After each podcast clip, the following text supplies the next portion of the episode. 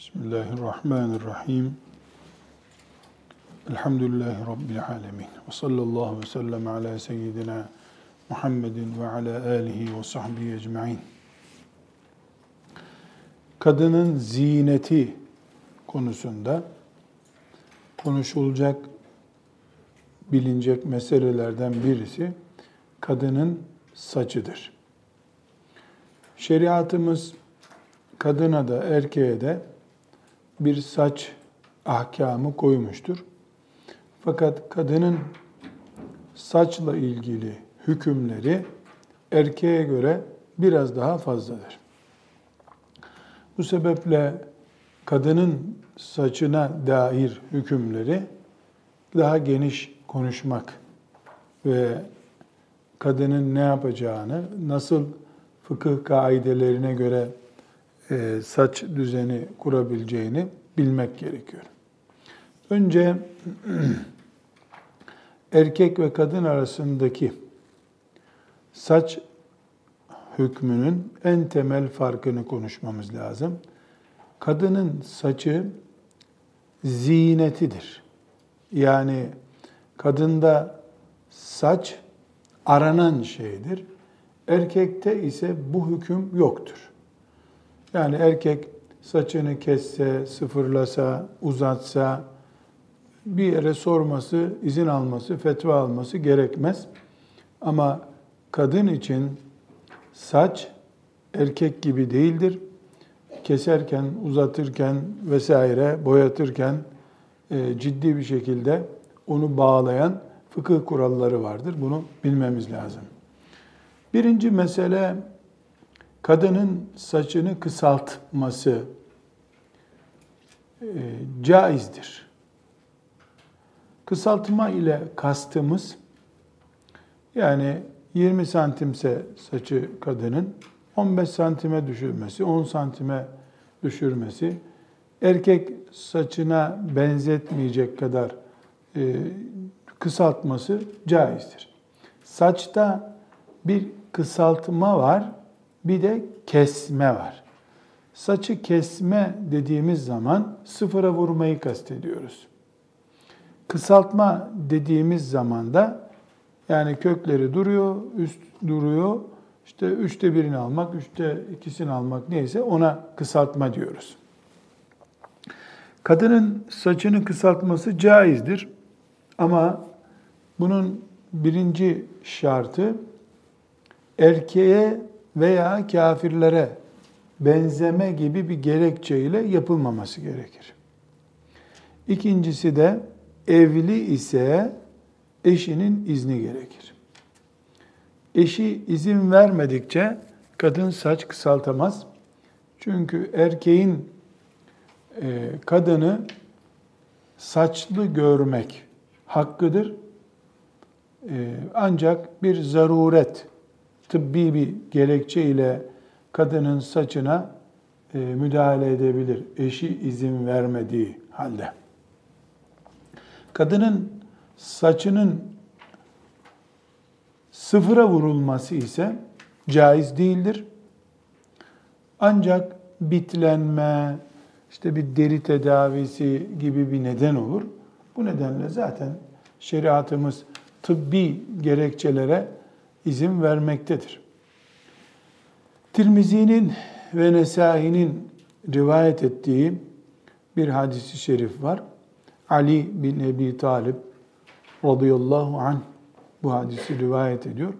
Diyor ki Resulullah sallallahu aleyhi ve sellem kadınların saçlarını e, derileri görünecek şekilde tıraş etmelerini yasakladı diyor.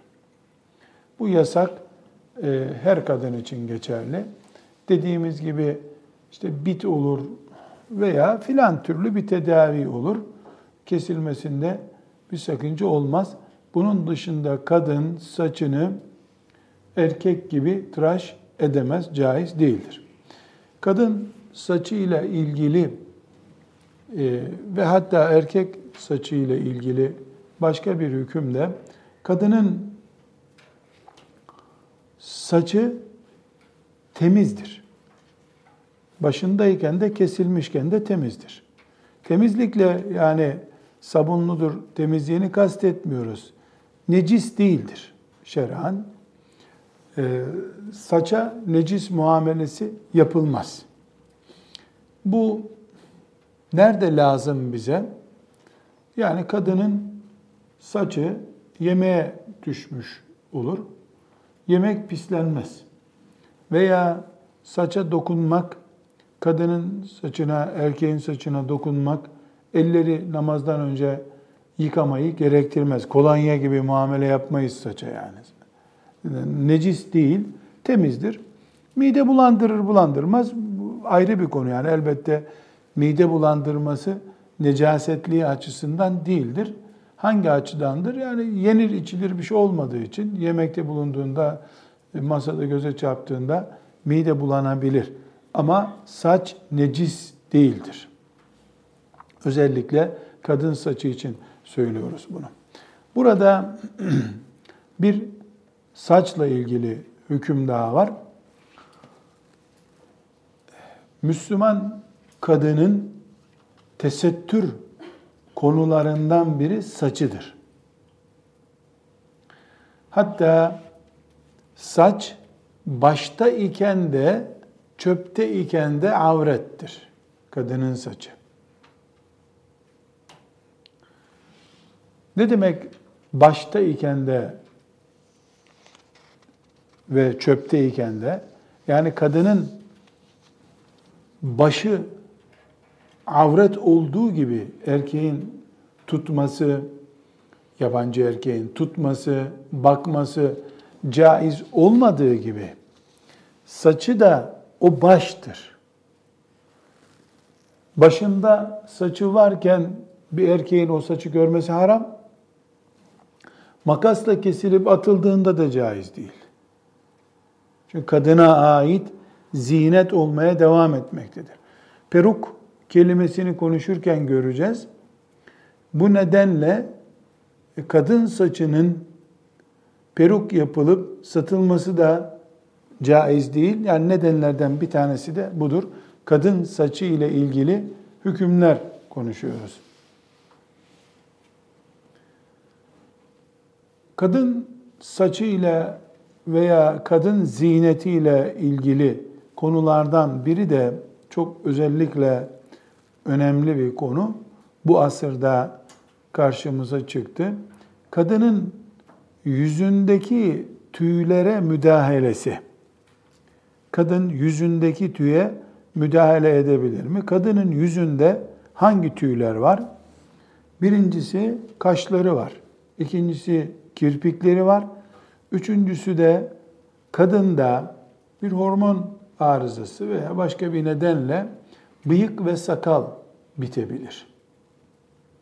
Kadında normal kadında bulunmayan bıyık ve sakal bitecek olursa, bayağı erkek gibi sakalı olacak olursa, tek tük de olsa, bıyık da aynı şekilde bunlara müdahale edilmesi caizdir.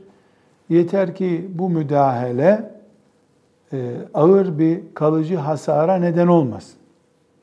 Mesela kadında bıyık var. Bıyıklarını e, belli bir ilaçla dökmesi gerekiyor. Fakat o ilaç daha sonra dudak kanseri yapıyor, cilt kanseri yapıyor. Bu ilacı kullanmak caiz değil. Başka yöntemlerle alması lazım. Zaten e, kalıcı e, sakınca oluşturan herhangi bir ilaç hiçbir şekilde kullanılamaz. O kalıcı hastalık ölümden daha hafifse, aksi takdirde ölüm olacaksa, mesela kemoterapi denen şey, işte kanser tedavisinde kullanılıyor. Bir tür ölüm kemoterapi yani. Hastanın tüyünü döküyor, e, hastayı yataklara düşürüyor, mecalsiz bırakıyor. Hiçbir şekilde caiz olmaması gerekir kemoterapi denen şeyin. Ama e, aksi takdirde ölüm söz konusu olduğu için ölümle oranlandığında e, bir sıkıntı yok ölümle oranladığın zaman kemoterapi de caiz.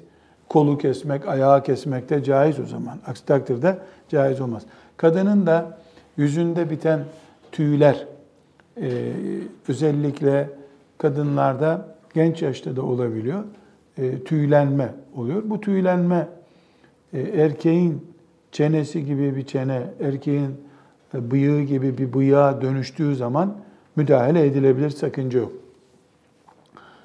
Kadınların e, kirpik müdahalelerine gelince, e, kirpikleriyle de kadınlar oynuyorlar. Kimi kadın gidip kirpiklerini kısalttırıyor, kimi kadın da yapma kirpik taktırıyor. Bu hangisi güzeldir hala anlayabilmiş değiliz bunu. E, bu ne demek? Fitne yani. Bela. Kadınların başına gelmiş bir bela. Kimi kirpiğini kısaltır, kimi kirpiğini büyütür. Her halükarda kirpik gö, yani göz kapaklarının üzerindeki tüyler diyelim görme açısından sakınca oluşturmadığı sürece herhangi bir şekilde kirpiğe müdahale caiz değildir, haramdır. Ama mesela kıvrık büyüyor, görmeyi engelliyor, gözde yaşlanmaya neden oluyor, yaşarıyor göz. Yani bir tür tıbbi bir neden olursa müdahale caizdir. Kaşlara gelince kaş yani gözün üstündeki kaşlara müdahale konusunda e, bir fıkıh e, ayrımı yapmamız gerekiyor. Bu hususta yani kadının gözünün üstündeki şu kaşlara müdahalesi e, neden yapılıyor? Önce bunu konuşalım. Zannediyorum, bilerek demiyorum bunu. Kadınlar alın bölgeleri daha geniş görünsün, e, daha e, yani çekici güzelliği olsun diye herhalde mesela 4 milim 5 milimse kalınlığı bunu 1,5-2 milime kadar indiriyorlar. Alın bölgesini anladığım kadarıyla büyütüyorlar. Daha çok görünüp daha çok yani mesela toprağın bakımlı alanı, çimli arazisi nasıl e, çorak araziye göre hemen fark ediyor parklarda filan. Kadınlar da herhalde alın bölgesini genişletiyorlar. Yani bir iki soruşturdum. O cevaplarda yani herkes aldırıyor biz de aldırdık gibi bir mantık çıkıyor ortaya. Neden yaptığını da bilmiyor herhalde kadınlar. Ama asıl e, neden beyaz bölgeyi e, karşıdan görenler için daha etkili hale getirmek. Bu hususta Abdullah İbni Mesud'dan rivayet e, var. Abdullah İbni Mesud e, sahih bir hadis-i şerifte kaş aldıran kadınlara Allah lanet etsin demiş. Demek ki o zaman da bu şekilde bir e, uygulama yani kadınların kaş aldırması uygulaması o zaman da vardı demek ki. Kadının biri de Abdullah İbni Mesud'a sen e, Allah'ın lanet etmediği, Kur'an'da lanet etmediği bir şeyi ne akla lanet ediyorsun? E, senin karın bile kaş aldırıyor. Sen ne yapıyorsun gibi bu manada bir çıkış yapıyor. E, o da e, Resulullah'ın lanet ettiğine ben niye lanet etmeyeceğim diyor. Demek ki Resulullah sallallahu aleyhi ve sellemin bu husustaki bir laneti var. Kaş aldıran kadınlara ve dövme yaptıran kadınlara. Dövmeyi ayrıyeten konu olarak göreceğiz. Bu böyle bir bilgisi olmasa koca bir sahabi e, durup dururken lanet etmez ve iddialaşmazdı diye ulemanın çok büyük bölümü, kahir ekseriyeti e, yaratılış tarzını değiştirecek şekilde kaşlara müdahalenin haram olduğu kanaatindedirler. Bazı e, alimler bunu kökten kaşları kaldırmak şeklinde anlamışlardır. Yani müdahale değil de kökten böyle kaş maş bir şey bırakmıyorsun yüzünde gözünde. Kirpi, mirpi her şey müdahale. Bu şekilde nems fiilini bu şekilde de anlamışlar. Namisat diyor Abdullah İbni Mesud. O namasa fiilini bu şekilde e, bunu bu menzer meyanda anlayan alim de olmuştur. Ama e, daha önce belirtmiştik. Cumhur ulema yani alimlerin büyük bölümü yüzde 90'ı yüzde 95'i bir kelimeyi nasıl anladıysa mümin olarak onu tercih etmek gerekir. Sırf bu yüzden e, şimdi e, genç kızları derslerinde daha cazip etkileyebilmek için e, cemaate genç kızlar da gelsin diye yok İslam'da böyle bir engel filan diye diyenler olduğunu da duyuyoruz.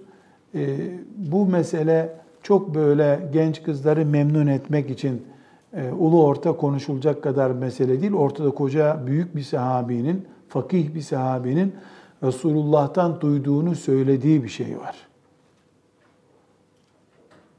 Ve yani çok enteresandır. Senin karın da kaşlarıyla oynuyor sözüne karşı onunla bir odada bir daha durmam öyle bir şey varsa git bak diye gösterdiği bir tepkisi de var.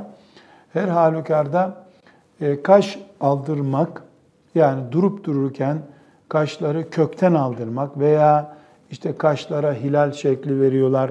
İşi gücü ne yani? Kuaför para kazanacak.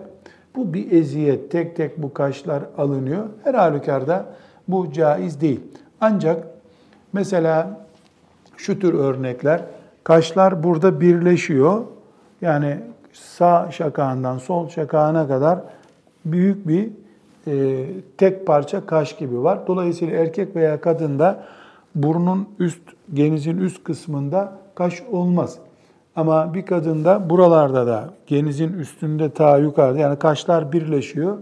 E, böyle 10 santimlik bir e, çizgi gibi oluyorsa bu müdahaleyi gerektiriyor. Bunlar alınabilir. Veya mesela kadının e, kaşları o kadar kalın ki gözlerinin üstünde şemsiye gibi kalıyor. Görmesini engelliyor. Buna da müdahale edilebilir. Şimdi kaş konusunda kadınların bir standardı var. Yaklaşık olarak kadın kaşı yani kalınlık açısından 4 milimdir diyelim. Belki o kadar da değildir de normalde işte bizim yöremizdeki kadınlar mesela 3-4 milim kalınlığında kaşları olur. Bu 7-8 milim olursa bir kadında yani kadın standardının çok üstünde. Bu tıbbi bir arıza. Tıp, tıpkı parmakların 5 değil de 6 tane yaratılması gibi kabul edilip ona müdahale edilebilir. Bu orman hatası işte şu bu diye bir gerekçe bulunabilir. Ama bunun dışında e, kadınların normal mesela birinin koyu kaşları var, birinin biraz daha koyu olmayan siyah siyahımsı saçları, kaşları var. E, sırf benimki onunki gibi güzel görünsün diye kaşlara müdahale caiz değil. Yaratma tarzını Allah'ın değiştirme niteliğinde bir suç olur bu. Kaşlarla ilgili kadınların bilmesi gereken bunlardır. Burada hanım kızlar tabii şüphesiz e, olduğundan daha güzel görünme e, hastalığı ve herkes kelimesi, herkes yapıyor. Herkesinki kelimesi e, ana tuzak maddesi burada. E, işte artistler, ümmetin fısku fucurunu temsil edenler, işte şöyle yaptılar, böyle yaptılar diye onları taklit etmek. Ama hepsinin ötesinde de hayatı dünya hayatından ibaret zannedip asıl zevklerimizi cennette inşallah doyasıya tatmin edeceğiz diye düşünememekten kaynaklandığını zannediyorum. Kadın ziyneti ile ilgili olarak bilinmesi gereken hususlardan biri de saç birleştirmektir. Ee, bu saç birleştirmek nasıl yapıldığını, kolay mı olduğunu da bilmiyorum. Yani lehim yapar gibi saçı saça bağlama şeklinde herhalde. Ama bu Efendimiz sallallahu aleyhi ve sellem zamanında yapılıyormuş demek ki. Bu yapılma var ki hadis-i şeriflerde e, vasılat diye bir deyim var. E, saçı saça birleştirme. Benim anladığım yani kabaca işte kadının 10 santim saçı var. Başka bir kadının saçını 10 santim daha alıp ona düğmeliyor herhalde öyledir. Şimdi modern yolla kaynak yapılır zannediyorum ama saçı e, saça birleştirmenin hükmü eğer insan saçı insan saçına birleştirilecek ve saç uzatılacaksa bu bir haramdır. Ama e, temiz bir nesneden, plastikten, elektrik kablosundan filan saç yapılıp eski elektrik kablolarını saç diye takarsa kadın bunda bir sakınca olmaz. Yani insan saçının e, başka bir insana takılması caiz değil. Çünkü insan organlarının attığı parçalar bile olsa yedek parça gibi kullanılmasını şeriatımız caiz görmüyor. İnsandan yedek parça yapılmaz. Daha sonra tıbbi müdahalelerde göreceğiz. Kalp, e, damar, böbrek gibi konularda bu konu tekrar karşımıza gelecek. Kan gibi sürekli yenilenen ve hayati değeri olan şeylerde bir insandan kan alıp başka insana vermeyi caiz gören muasır ulemamız var. Ama saçı insandan alıp başka insana takmak haramdır. Kadınlar için de erkekler için de geçerli. Daha ziyade herhalde erkek için. Bunu zannediyorum yani nasıl yapıldığını bilmiyorum. Bir araştırma ihtiyacı da hissetmedim ama yani kadının saçı kısa herhalde başka bir kadının 20 santimli uzun bir saçı alınıp iple, yumakla bir şeyle, tokayla onun saçına konuyor. Kadının saçı da uzun mu görünüyor? Nasıl bilmiyorum. Kimi kesmek ister, kimi uzatmak ister. Bitmez insanların dertleri. Ama insan saçını insana bağlamak caiz değil, haramdır. Başka bir konu kadının saç boyatmasıdır. Bu boyatma iki nedenle olabilir.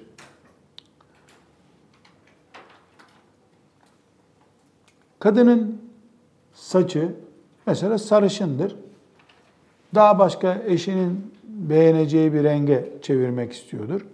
Bunda hiçbir sıkıntı yok. Gerek kına ile, gerek başka bir kimyasal boya ile saçın boyanmasında bir sakınca yoktur.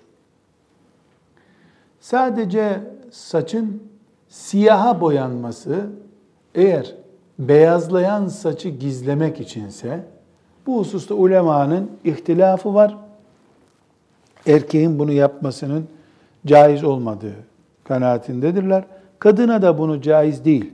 Beyazı siyaha boyamak yaşlılığı gizlemek için, yaşlanmayı gizlemek için yapılıyor genelde.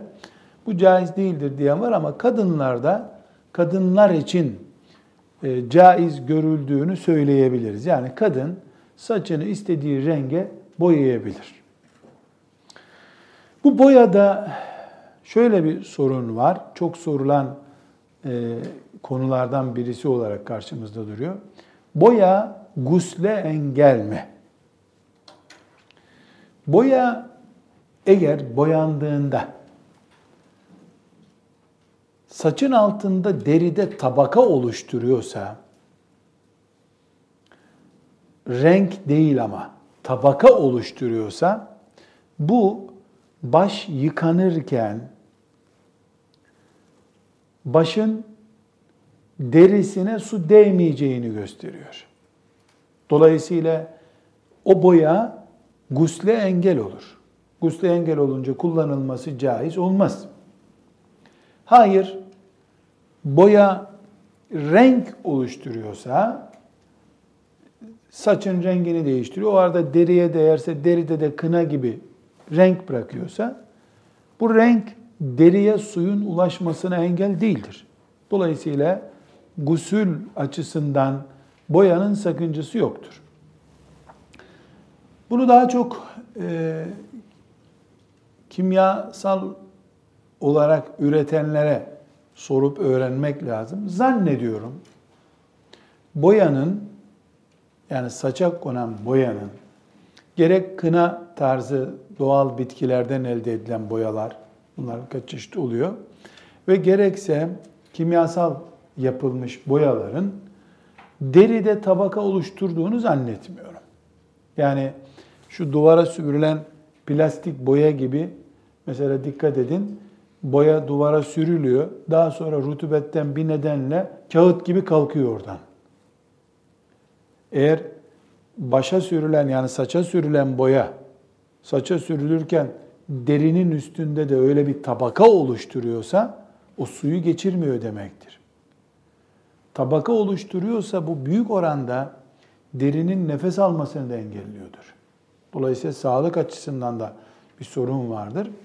Bunu kullanılan e, boyayı üreten firmalara sormak gerekir. Zannım böyle bir tabaka oluşturmaması gerekiyor. Çünkü sağlık açısından bir sorundur bu. ona izin verilir zannetmiyorum. Ama diyeceksiniz ki e, zararlı, ziyanlı da olsa moda uğruna yapılır. Bu ayrı bir konu. Doğal olanlarda kına ve benzeri bitkisel boyalarda bu sorun yoktur. E, yani kınada özellikle yok. Ama diğer doğal olmayan kimyasal e, boyama türleri için işte hükmü söyledim. Tabaka oluşturmadığını zannediyorum. Oluşturuyorsa e, kullanılması caiz değil. Ama eğer tabaka oluşturuyorsa deri sağlığı açısından ortada bir sorun var o zaman. Ne gibi kabul edin bunu? Plastik bir eldiveni, o bulaşık yıkama eldivenini mesela evinize elinize geçirin. Onu buradan sıkın. E, bir gün elinizde dursa, iki gün hiç çıkarmadan elinizde dursa, e, elinizde deri hastalığı oluşabilir. Hava almıyor, derinizin e, solunumunu zorlaştırıyor gibi. Yani kafaya konduğunda da belli bir bölgede deri hastalığına neden olur zannediyorum. Ama bizi ilgilendiren saçın kendisi yıkanması gereken şey değildir. Çünkü gusülde ne demiştik? Ee, örgü yapıldığında saç böyle örüldüğünde örgünün çözülmesi şart değil çünkü başı yıkamaktır esas olan demiştik. Boyada da aynı kural geçerli. Ee, kadının ziyneti konusunda e, konuşulan, konuşulması gereken şeylerden biri de kadının saçını başının üstüne toplamasıdır. Yani başının üstünde yumruk gibi ya da işte hörgüt gibi nasıl yapacaksa e, bu haramdır. Haramlığı saçına şekil e, verdiğinden dolayı değil. Hadis-i şerif özellikle kıyamete yakın giyinmiş çıplaklar diye bir ifade kullanıyor. O giyinmiş çıplakları tarif ederken Efendimiz sallallahu aleyhi ve sellem saçlarını başlarının üstünde toplayıp boyunu daha uzun göstermek, kendisini daha dik göstermek gibi amaçlarla yaptığını söylüyor. Bir kadın, Müslüman kadın bunu bu niyetle değil de mesela işte ensesindeki e, bir sıkıntıdan dolayı saçını yukarı toplama gibi bir nedenle yapar zaruret ama her halükarda bu Resulullah sallallahu aleyhi ve sellemin e, kıyamet alameti giyinmiş çıplak gibi büyük tehditlerle bize sunduğu bir bilgi kaynağında e, var. Dolayısıyla Müslümanın içtinab etmesi lazım bundan. İyi bir Müslüman, akıllı bir Müslüman bunu Resulullah sallallahu aleyhi ve sellemin ayıpladığı bir şeyi niye yapayım ki diye düşünmesi lazım. Yani bu akıllıca düşünüldüğünde Müslüman için yeterli bir uyarı bu. O hadisi şerifi e, Müslim'de defalarca duymuşsunuzdur. Sınfani min ehlin nâri lem arahuma. E, iki ateşlik grup ki henüz onları görmedim ben diyor. E, bunlardan bir tanesi de e, yollarda kıvırıp evirip büvürüp yürüyen geri giyinmiş çıplak kadınlar. Giyinmiş çıplak kadınlar diyor. Yani üstünde tesettür var. Çarşaf, manto ne giyiyorsa var ama eğirte büğürte yürüyor diyor. E, yani mumilatun, mailatun bu ifadeyi bir erkek olarak benim kullanmam abes bir kelime ama e, hadis söylüyor bunu Efendimiz sallallahu aleyhi ve sellem. Eğirte büğürte yürüyor. Çok af etmenizi istirham ederek söylüyorum. Yani kalçasını sağa sola evirip çevirip yürüyen kadını tarif ediyor sallallahu aleyhi ve sellem Efendimiz. Omuzlarını bir sağa sola çevirip yürüyeni tarif ediyor ki bu bir kıyamet alameti. Ee, Allah sonumuzu hayır etsin. Rastlaya rastlaya bu zamana rastladık. Bu hadis-i şerif Müslim'de 2128. hadisi şeriftir. Her gün sabahleyin çıkarken mi, her gün yatarken mi bir defa bu hadisliği okumak lazım. Resulullah sallallahu aleyhi ve sellem Efendimiz o kadınlardan söz ederken kokusu bile şu kadar mesafeden duyulabilecek olan cenneti koklanamayacaklar diyor. Nauzu billahi teala. İnsan mümin bin bir hata işlese yine e, cehennemde ebedi kalmaz. Cennete muhakkak girer. Günahlarının cezasını çekip cennete girer. Acaba bu hadisi şerif bunlar imansız ölmekle cezalandırılacaklar mı demek istiyor diye şüphe ediyorum. Kıyafeti İslam kıyafeti. Ama öyle bir giyiniyor o kıyafeti, öyle bir otobüs durağında kullanıyor ki çıplak kadın onun kadar etki etmiyor erkeklere. Hadisin anlattığı kasiyatun ariyat budur. Hafazan Allah. Hafazan Allah. Kızlarımızı da erkeklerimizi de Allah bu afetten muhafaza buyursun diye dua ederiz. Yani kabir azabından, Deccal'dan Allah'a sığındığınız gibi hanım kızlar, bu hale düşmekten de Allah'a sığınırın. Tesettürü, tesettürü teberruç için kullanmak. Yani tesettürle güzel görünmek hastalığı. Tesettürle erkeklerin dikkatini, arkadaşın dikkatini çekmeye çalışmak, camiyi meyhane olarak kullanmak gibi bir şey bu. Nauzu billahi teala. Allah kızımızı, erkeğimizi bu afetten muhafaza buyursun. Ee, kadın ve tüy bakımı olarak konuşacağımız konulardan biri de kadının kollarında, e, dizlerinde, bacaklarında, karın bölgesinde oluşmuş tüylere müdahale meselesidir. Kadın bu tüylere tıbbi bir hata olmadığı sürece müdahale edebilir. Kadın bacağındaki tüyleri, kolundaki tüyleri sonradan oluşmuş. Yani normalde çok küçük yaşta bile tüy olur ve beden tüysüz olursa zaten bu çok tüysüz beden sağlık açısından iyi değil. Ama kadındaki tüyler artık derisinin rengini değiştirecek kadar yani siyahımsı ve güzelliğine, eşine karşı güzel görünmesine zarar verecek düzeye geldiği zamanı konuşuyoruz. Yoksa mesela çok dikkatli gözlükle bakıldığında görülecek çapta tüy çocukken bile vardır kadında. Müdahale edilecek olan bu değil. Tüylerin artık e, yani siyah bir tabaka, erkek derisi gibi, erkek bedeni gibi olmayı mesela bacağını e, eşinin veya omuzlarını, göğsünü, karnını e, eşinin cazip görmeyeceği yani ondan uzak durmayı isteyeceği noktaya geldiğinde tıraş müdahalesi yapabilir. Ama bu müdahale tabii daha fazla tüyleri abartıp erkek gibi haftada bir tıraş olacak hale e, gelmeyeceği bir sistemli olmalı ki çünkü en başta e, kuralları konuşurken ne demiştik? Zararı izale etmek caizdir, gereklidir. Zararı kaldırmak gerekir ama daha büyük bir zararla değil. Mesela kadın göğsünde tüyler oldu. Bunları jiletle müdahale edip aldığında bir hafta sonra daha erkek göğsünden daha kötü bir göğüste karşılaşacak demektir. Yani zararı giderecek daha büyük bir zararla değil daha küçük zarar olmayacak bir şeyle eğer mümkün değilse zarardan daha küçük bir şeyle e, gidermesi gerekiyor. Tabi bu da bayanın böyle bir sıkıntısını önce doktorla görüşmesi, doktordan sonra da artık e, o teknolojik ve zararı olmayan bir sistemle alması şeklinde tavsiye ederiz. Peruk kullanma kadın açısından e, ele alınması gereken konulardan biridir. Lakin bu peruk kullanmayı devlet dairelerindeki memurluk, işte öğretmenlik yapayım mı gibi bir neden için burada konuşmuyorum. Kadının ziyneti açısından konuşuyorum.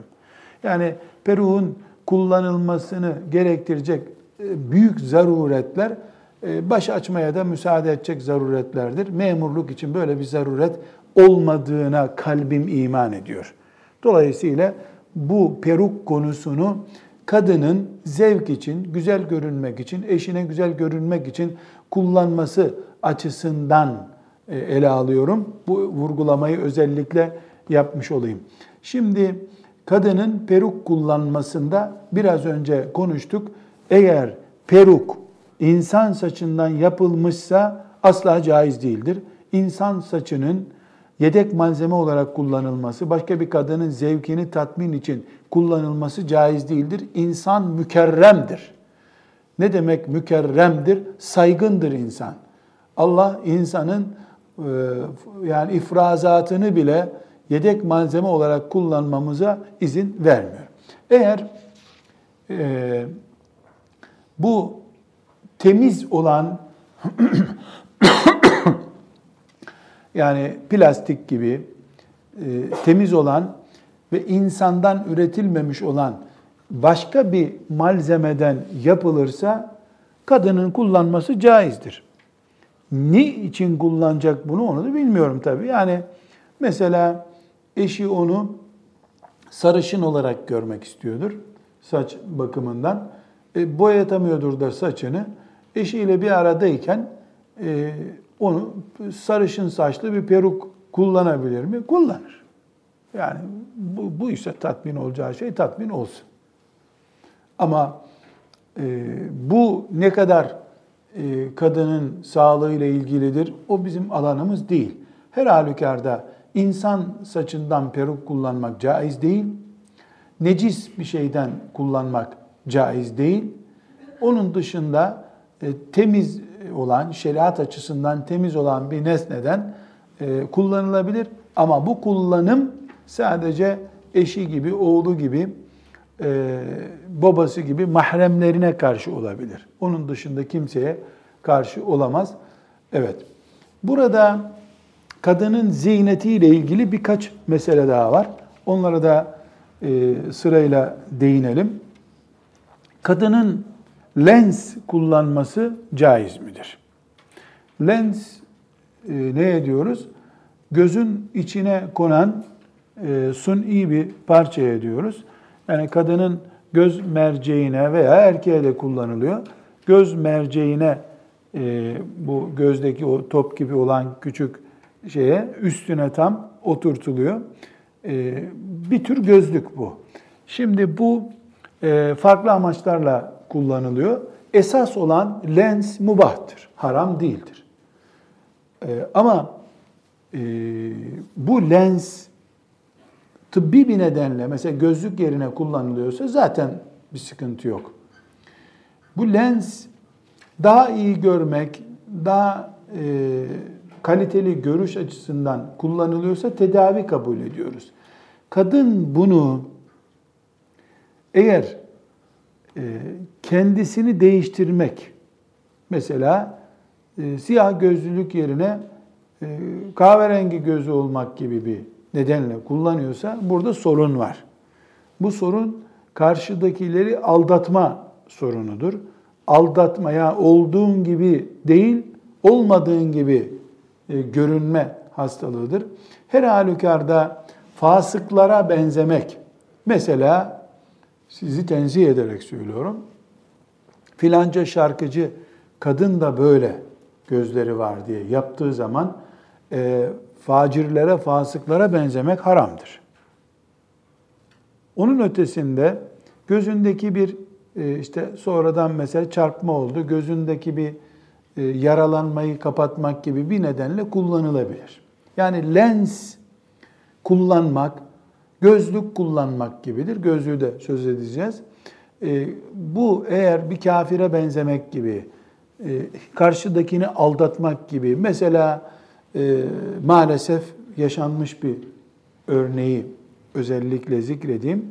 Bir e, arkadaşım evlenecekti. E, işte ben şu renk gözlü e, kadın severim diye karşı tarafa duyurmuş. Yani öyle mi o kız ona göre gideyim görüşeyim demiş. Aracılar da işte bu filan göz çeşidinden hoşlanıyor demişler. O kız da o gün gidip öyle bir lens taktırmış. Sonra fetva olarak bize geldi. E, evlendikten sonra senin gözlerin böyle değildi, ben mi yanlış hatırlıyorum? Veya onlar demiş, hiç hayal etmeden. Bu bir tuzak tabii. Boşamış onu. Sen de böyle bir nedenle boşuyorsun, haramdır yaptığın demişler. Ee, ben dedim herhangi bir şekilde haram değil. Boşamak zaten haram değil. Kaldı ki bu ciddi bir tuzak. Çünkü sahabi Efendimiz sallallahu aleyhi ve sellem ne diyor? Git Medineli kadınların gözleri değişik. Bak hoşuna gitmezse onunla evlenme diyor.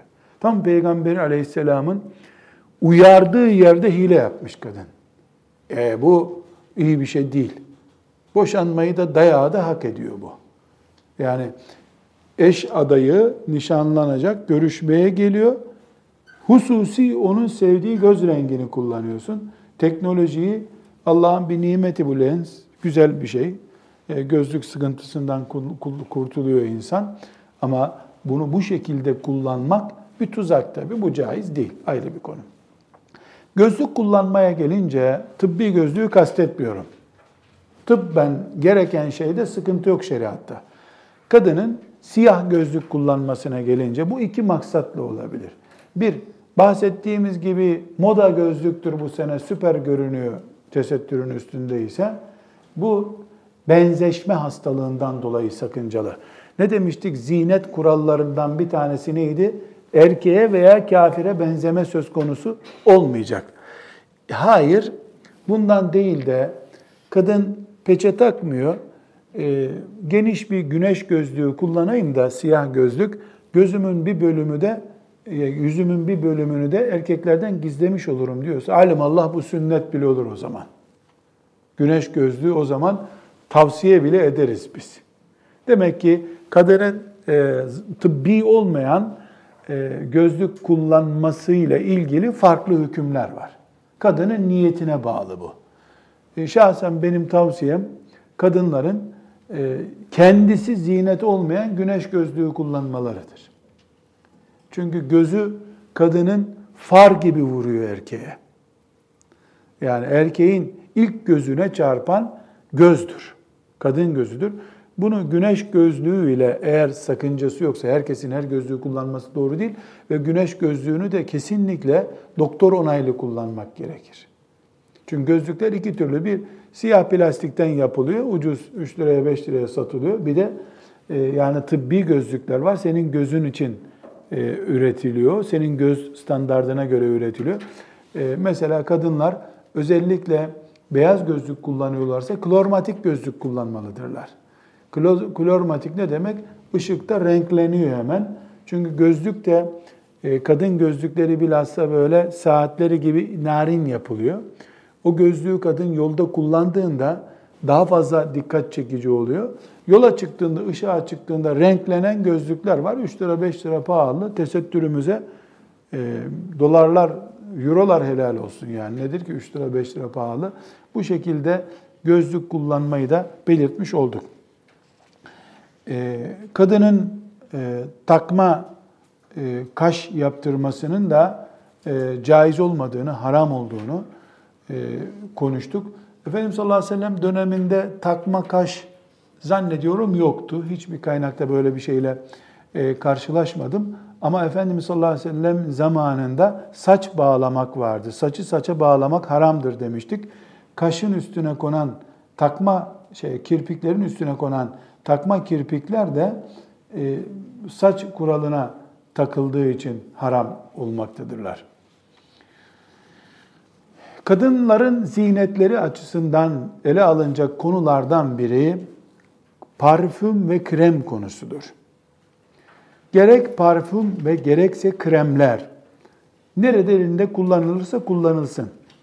Parfüm ve e, kremler necis olmadıkları sürece asıl olan mubah olmalarıdır. Ama mesela e, derisi deri yapısından dolayı çok gergin olan, e, katı olan, böyle delik delik duran bir kadın eşinin gitgide o deriden soğuduğunu, ona mesafe koymaya başladığını anlarsa, belli bir krem de bu deriyi bir gün iki gün yumuşak tutuyor anlıyorsa, kadının o kremi kullanması farzdır. Bu kadar basit. Çünkü kadının mübarek olan evliliğini koruması, eşinin üzerindeki cazibeyi muhafaza etmesi üzerine farzdır. Eşlik haklarından birisidir bu. Yani krem kullanmak ne farzdır, ne vaciptir, ne haramdır, ne mekruhtur, mubahtır. Ama kreme necaset bulaşır, haram olur. Krem eşiyle ilişkisini ayakta tutacaktır, farz olur. Şeriat budur duruma göre karar verecek. Veyahut da mesela düğüne gidiyordur kadın. Düğüne giderken yüzünü parlak gösterecek krem sürüyordur. Eee kerahat devreye girdi. Çünkü burada başka maksatlarla süslenme söz konusudur. Ama esas olan tıbbi bir sakınca oluşturmadığı sürece ki kremlerde büyük oranda tıbbi sakınca var. Her krem doğal değil. Doğal olmadığı için 3 ay güzel gösteriyor, 4. ay hastanelik ediyor, cilt kanseri yapıyor veya neyse artık tüy çıkarıyor. Belli sıkıntılar var kremlerde. Yani bir bakayım bunlara dedim de aman aman kalsın bu fıkıh konusu değil diye okumaktan da vazgeçtim. Çünkü krem de başlı başına bir sorun. Krem sonra çok eskidir. Ama eskiden kadınlar zeytinyağı kullanıyorlarmış. Doğal bakım aracı olarak. E, hakikaten zeytinyağı ciddi bir bakım. Sabununu zeytinyağından yapıyor vesaire. Şimdi zeytinyağı tabi kadınlar ne yiyorlar ne kullanıyor. Yemiyorlar bile kokuyor diye. Çünkü temiz ve Allah'ın yarattığı sorunsuz bir gıda olduğu için çocuklar ve kadınlar onu sevmezler. Eve de sokmazlar. E, cips, ondan sonra şüpheli yağlar, petrolden yapılmış yağlar ne varsa onlar çok daha güzel. Fitne, ahiret zamanı fitnesi bunlar. Her halükarda kremle ilgili kuralımız doktor açısından sakınca yoksa, necaset diye bir sorun yoksa, alkol ve domuz diye bir sorun yoksa krem mubahtır, farz da olabilir. Vacip sünnet de olabilir. Başka bir konu da e, kulak delme. Küpe için kulak delme sorunudur. E, bu kulak delmenin ashab-ı kiram zamanında olduğunu görüyoruz. Kulak delme caizdir. Bazı alimler e, kulak delmenin çocuklarda caiz olmadığını düşünmüşlerdir. Şimdi buradaki inceliğe dikkat edin. Bakın niye caiz değildir diyor bazısı. Diyorlar ki e, kulak deldiğin zaman bedene kalıcı bir iz bırakıyorsun. Bir insan buraya küpe takacağım diye kulağını delebilir. Ama iki yaşında bir çocuğun kulağını deldiğin zaman reşit olmayan, 10 yaşında reşit değil, bala olmamış bir çocuğun kulağını deldiğin zaman sen, o çocuk onu bir daha düzeltemeyecek. Çocuğun belki de kulağının delik olmasını, küpe takmayı istemeyeceği bir işi yapmış oluyorsun çocuğa sen. Bunu caiz görmüyorlar. Şahsen benim kanaatim, bir alim değilim ama benim kanaatim e, çocukların kulaklarını buluğ çağından önce delmemek lazım. Delecekse kendileri delsinler. Çocuğun zevkine müdahale olarak görüyorum bunu. Farz değil, vacip değil, şart değil, küpe hayatın parçalarından biri değil. Bu kesinlikle e, caiz olduğunda alimlerin, cumhurunun görüşü var. Buna e, müdahale edecek haşa öyle bir e, hakkımız, ahlakımız da yok elhamdülillah. Ama eğer bir tercih yapılacaksa, mesela İbnül Cevzi'nin e, kanaati böyledir. Benim şahsen hoşuma o gidiyor. Bu uygulamayı böyle yapmak lazım. Herkes kendisi reşit olunca kulağını deldirsin. Çünkü Anadolu'muzda şöyle bir anlayış var. Nasıl erkek çocuğu hemen sünnet ettirelim, muruvvetini görelim diyorlar. Kız çocuğu iki yaşında oldu hala kulağını delmedi yani çok büyük eksiklik sanki gibi algılanıyorlar. Bunu de, değiştirmek lazım. Böyle bir eksiklik söz konusu değil. Zira kulak delinir de o e, delik kalırsa kulak gusülde yıkanması lazım onun. E, o yüzden kulağında küpe takmayan kadınlara bir ip tak kulağına denir. O ipi ara sıra oynat. Gusülde e, içine su geçsin diye. Bir sıkıntı bu baştan başa sıkıntı. Küpe kullanınca bir sıkıntı olmuyor. Küpe o deliği canlı tutuyor zaten. Bir başka mesele dövme yaptırmaktır. Dövme sokaklarda maalesef gözümüzün önüne serile serile görüyoruz. Gençler nasıl yaptırıyorlar. Benim e, merak ettim nasıl yapıldığını da öyle araştırdım.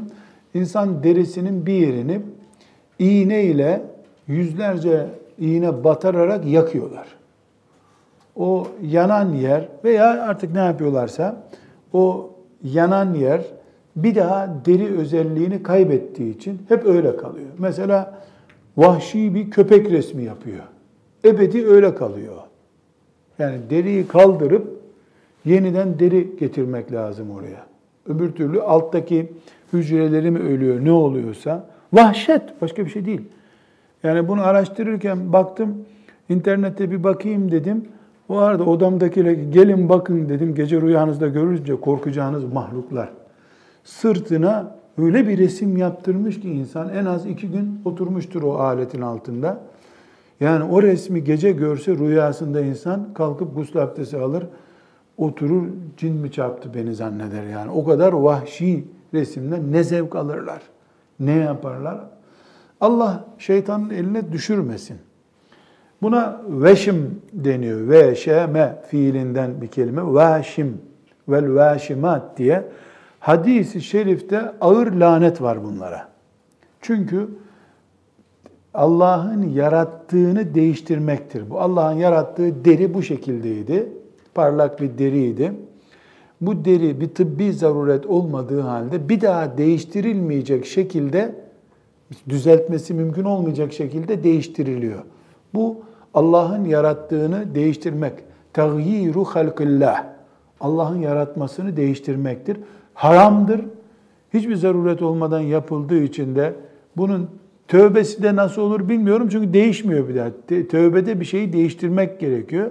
Yani bir genç kızın bekaretini haram yolla ifade etmesi gibi bir şey hastalık bu. Düzelmesi yok bir daha. Bir daha düzelmiyor. Burada e, tövbe kapısı kapalı demiyoruz yalnız. Çünkü elinde, göğsünde, kolunda, ayağında neresindeyse bu dövme durduğu halde samimi bir şekilde pişman olup istiğfar ettiyse Allah gafurur rahimdir. Ama üzerinde dövme bulunana peygamberin laneti var. Artık bunu nasıl yorumlayacaksa yorulmasın. Bir başka kadın ziyneti konusu kına meselesidir. Elde, ayakta, her yerde kına mubahtır. Bekar veya evlilik açısından fark yok. Evlilikte erkek kadınını kınalı görmek istemiyorsa hakkıdır. Kadın kına süremez. Onun dışında kına mubah bir şeydir. Mubah ne demek? Farz değil, vacip değil, haram değil, mekruh değil demektir. Kadın tırnağına boya sürmeye gelince kadının tırnağının boyalanması, dudağına ruj denen şeyin yapılması gusülle sorun oluşturuyor. Gerek ruj denen, herhalde dudağa sürülene ruj deniyor.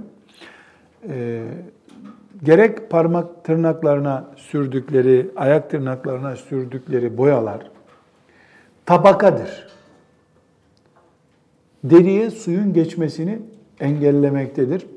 Artı dudağa sürülen tabakanın kürtajla alınan çocuk rahimlerden alınmış kürtajlı rahimlerdeki çocuklardan yapıldığı söyleniyor. Anne olacak bir kadının kendisinden önceki başka bir kadının karnındaki çocuk alınmış, hamur yapılmış, boya yapılmış dudağına sürüyor. İnna lillahi ve inna ileyhi raciun. Başka diyecek hiçbir söz bulamıyorum. Bu çirkinliği neresine yakıştırıyorlar onu da anlamıyorum. Allah'a sığınıyorum. Neslimizi muhafaza buyurmasını diliyorum. Ama özellikle tırnaklardaki boyaların diyeceğim ben. Boya bana göre boya o işte plastik boya. Gusle engeli var. Birisine bu şekilde söyledim. Ben aybaşı günlerinde sürüyorum yine haram mı dedi. Gusül açısından haram değil o zaman dedim. Ama senin tırnağın gavur tırnağı olunca ne zevk alıyorsun onu anlamıyorum dedim. Yani gusül açısından hayız günlerinde sakınca yok. E, guslün dışındaki günlerde ise sakınca var. Bir anekdot diyorlar, mülahaza anlatayım. Masama çok kötü bir şekilde boya döküldü bir gün. Çok kötü boyaydı ama. Deterjanlar, çamaşır suları çıkaramadım. Çok çirkin de görünmeye başlandı.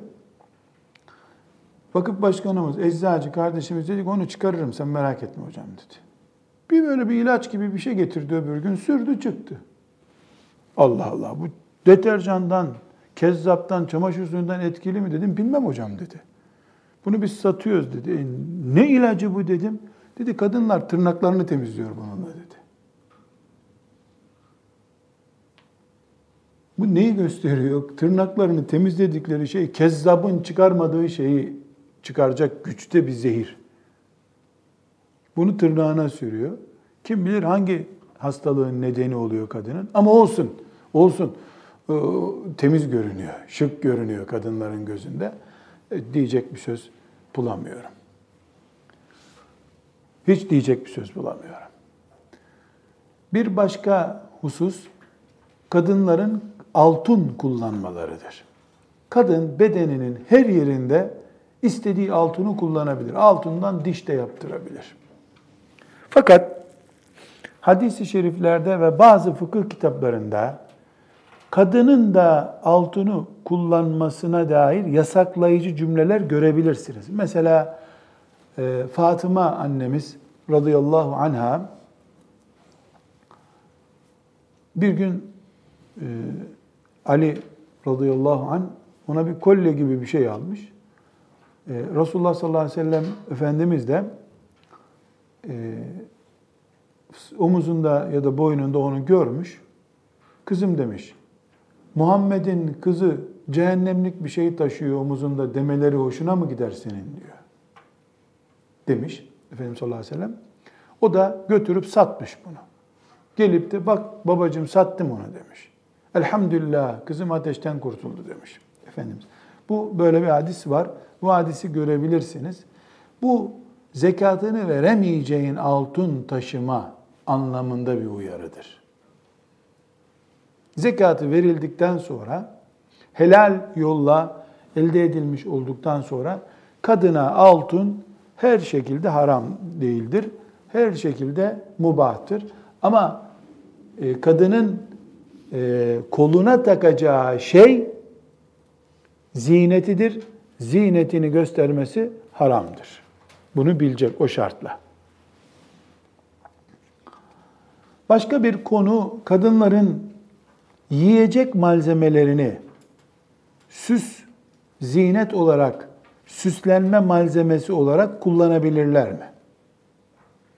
Mesela zeytinyağını kullanabilir. Mesela ayvadan şöyle bir ilaç yapıp kullanabilirler mi? Ayva kadının derisini güzelleştiriyormuş mesela. Benden de size kopya olsun. Ee, mesela işte şu kadar incirle, şu kadar şunu, şu kadar otu, şu kadarı karıştırıp pekmez yapıyorsun. O pekmez üç gün yüzünde duruyor. Ee, üç gün sonra yüzün güzelleşiyor dense caiz midir? E, caizdir. Yiyecekleri, yiyecek malzemeleri israf etmek değildir bu. İnciri Allah e, bizim için yaratmıştır, nimettir. Bu nimeti yememiz gerekiyor. Yemiyorum da derim güzel görünsün diyorsan bu da caizdir. İsraf etmemek şartıyla. Başka bir mesele kadınların diş güzelliği açısından dişlerini sivriltmeleri, sivriltme ve dişlerinin aralarını açmaları caiz değildir. Yani bu bir hastalık tabii diş tedavisi, diş yaptırma, ağız bakımını kastetmiyorum.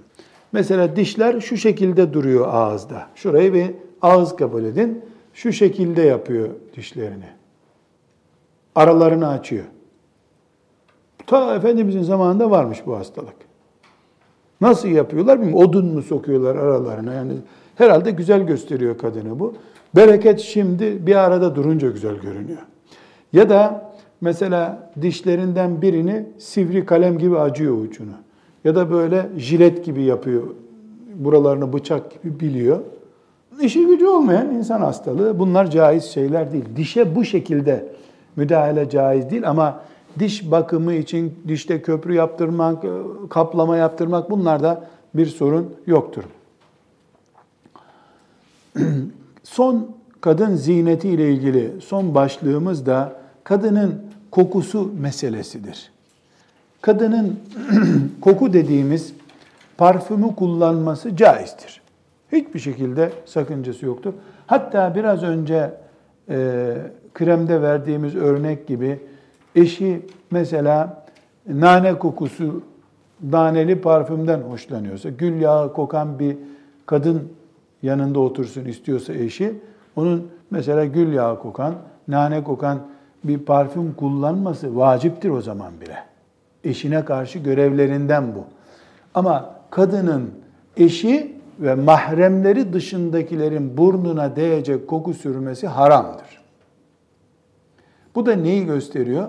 Kadın sokağa çıktığında parfüm kullanmayacak. Bunun manası budur. Bir de parfüm necis olmayacak. Domuz yağından yapılmış bir şey mesela olmayacak. Bunun dışında kadının parfüm kullanması, koku sürünmesi harikadır, güzeldir. Evet, kadının zinetiyle ilgili bu tespitleri yapmış olduk. Böylece kadının zinetinde sorunlar varsa onları konuştuk, tavsiyelerimizi konuştuk. Velhamdülillahi Rabbil Alemin.